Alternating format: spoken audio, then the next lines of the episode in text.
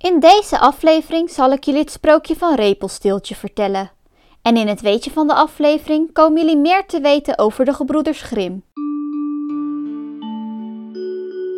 Welkom bij de Verhaaltjestijd podcast. Met om de maandag een nieuwe aflevering over sprookjes, volksverhalen, verhalen uit verschillende godsdiensten. En aan het eind van iedere aflevering hoor je een leuk weetje. Vergeet niet om mij te volgen op Instagram en Facebook voor updates en leuke plaatjes. Dit is aflevering 9 van de Verhaaltjestijd podcast. Repelsteeltje. Dit is een sprookje van de gebroeders Grim. Waar dit verhaal oorspronkelijk vandaan komt is niet duidelijk, maar het verhaal is door de gebroeders Grim in ongeveer de 19e eeuw geschreven. Eerst heette het verhaal Rompelsteeltje, maar door de jaren heen is het veranderd naar Repelsteeltje. Misschien kennen jullie dit verhaal van de Efteling. Hier wordt het sprookje namelijk ook verteld, maar dat is de korte versie van het originele verhaal. In het verhaal van deze aflevering gaat het er eigenlijk om hoe het mannetje Repelsteeltje zijn krachten verliest doordat zijn naam wordt geraden. Er was eens een molenaar. Hij was arm, maar had een mooie dochter. Op een dag kwam hij in gesprek met de koning en om zich een zeker aanzien te geven, zei hij tegen hem: Ik heb een dochter die van stro goud kan spinnen. De koning sprak tot de molenaar: Dat is een kunst die mij wel bevalt. Als je dochter echt zo knap is als je zegt, breng haar dan morgen naar mijn paleis. Dan zal ik haar op de proef stellen. Het meisje werd de volgende dag naar hem toegebracht. Ze werd in een kamer geleid dat helemaal vol stond met stro. Hij gaf haar een spinnenwiel, een haspel en sprak: Ga nu maar aan het werk. En als je tussen vannacht en morgenochtend dit stro niet tot goud hebt gesponnen, dan moet je sterven. En hij deed daarna de kamer op slot. Daar zat ze dan, helemaal alleen in een kamer vol stro. Ze was ten einde raad. Ze wist niet hoe je van stro goud moest spinnen en haar angst werd groter, waardoor ze tenslotte in tranen uitbarstte. Toen ging ineens de deur open. Een klein mannetje stapte naar binnen en sprak: Goedenavond, molenarinnetje, waarom huil je zo? Ach, antwoordde het meisje, ik moet van stro goud spinnen en dat kan ik helemaal niet. Het mannetje sprak: Wat geef je mij als ik het voor je spin? Ehm, mijn halsketting, zei het meisje. Het mannetje nam de ketting aan, ging aan het spinnenwiel zitten en zei hardop: Snorre, snorre, snor. Driemaal trekken en de spoel is vol. Daarna zette hij een andere spoel op en zei weer: Snorre, snorre, snor. Driemaal trekken en ook de tweede is vol. Dat ging zo door tot de ochtend. Toen was al het stro opgesponnen en alle spoelen waren vol goud. De koning kwam al bij zonsopgang en toen hij het goud aanschouwde, was hij erg verbaasd en heel blij. Maar hij verlangde naar nog meer goud. Hij liet de molenaarsdochter naar een andere kamer brengen, die nog veel groter was en vol lag met stro. Hij beveelde haar ook dit in één nacht tot goud te spinnen als ze nog in leven wilde blijven. Het meisje wist zich opnieuw geen raad. Toen ging opnieuw de deur open. Het kleine mannetje verscheen en sprak: Wat geef je mij als ik dit stro voor je tot goud spin? De ring die ik aan mijn vinger draag, antwoordde het meisje.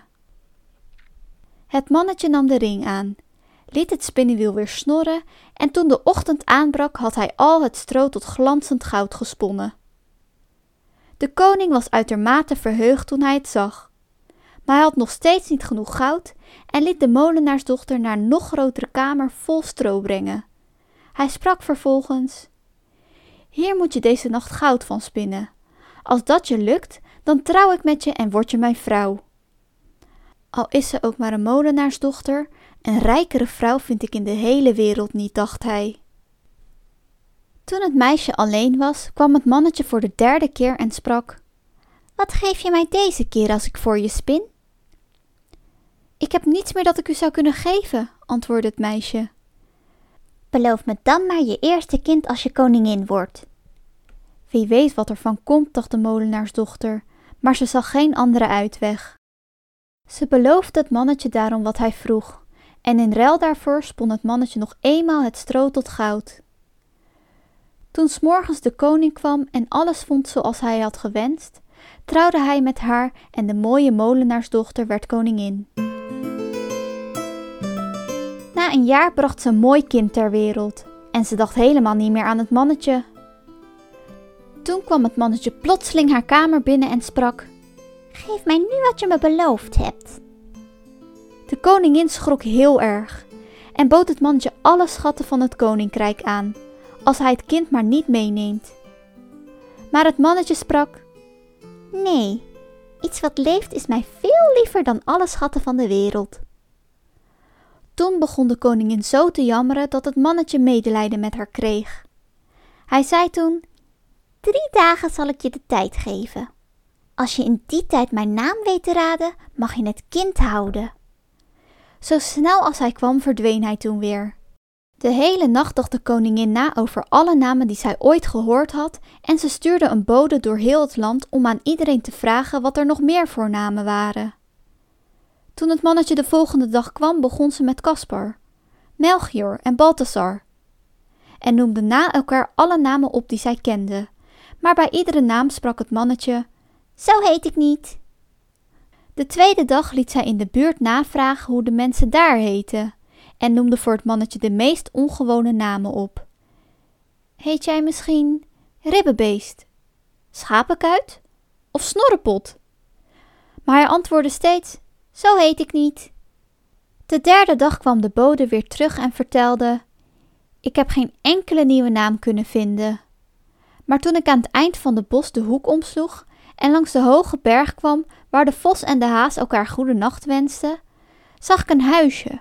Voor dat huisje brandde een vuur en om het vuur sprong een heel belachelijk mannetje.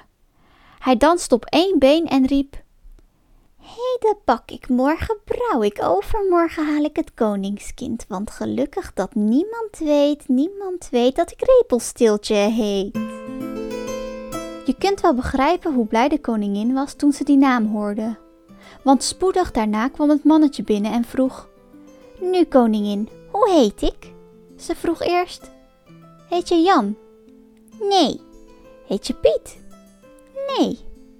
Heet je soms Repelstiltje? Dat heeft de duivel je verteld, dat heeft de duivel je verteld, schreeuwde het mannetje. En hij stampte van woede met zijn rechtervoet zo hard op de grond dat hij er tot zijn romp inzakte pakte in zijn woede zijn linkervoet met beide handen beet en scheurde zichzelf zo in tweeën. Dit was het verhaal van Repelsteeltje. We hebben gehoord dat een klein mannetje een molenaarsdochter helpt bij het spinnen van goud uit stro. In ruil daarvoor moet zij haar pasgeboren kindje afstaan, behalve als ze de naam van de kleine man weet te raden. Maar ja, niemand weet, niemand weet dat hij Repelsteeltje heet. Ze raadt uiteindelijk wel zijn naam, waardoor hij zo boos wordt dat hij zichzelf in tweeën scheurt. In de volgende aflevering zal ik twee korte verhaaltjes vertellen die te maken hebben met het Hindoeïsme. Het ene verhaal gaat over Diwali, waarin Rama samen met zijn vrouw Sita terugkeert na een 14-jarige ballingschap. Het andere verhaal gaat over een goedhartige pelgrim die besluit al zijn geld te geven aan een oude vrouw. De twee verhalen die ik in deze aflevering zal vertellen zullen voorlopig de laatste zijn.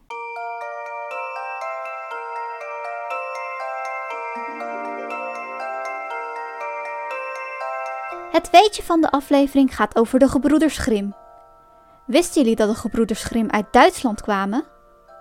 Het sprookje uit deze aflevering en voorgaande afleveringen, aflevering 2 Hans en Grietje en aflevering 6 Rapunzel, zijn geschreven door de gebroeders Grim. De twee broers Jacob en Willem Grim waren taalkundigen en verzamelden allerlei volksverhalen en sprookjes van over heel Duitsland. Bijna alle verhalen hebben wel een achtergrond in een van de steden of dorpjes uit Duitsland. In 1975 is er zelfs een sprookjesroute ontstaan.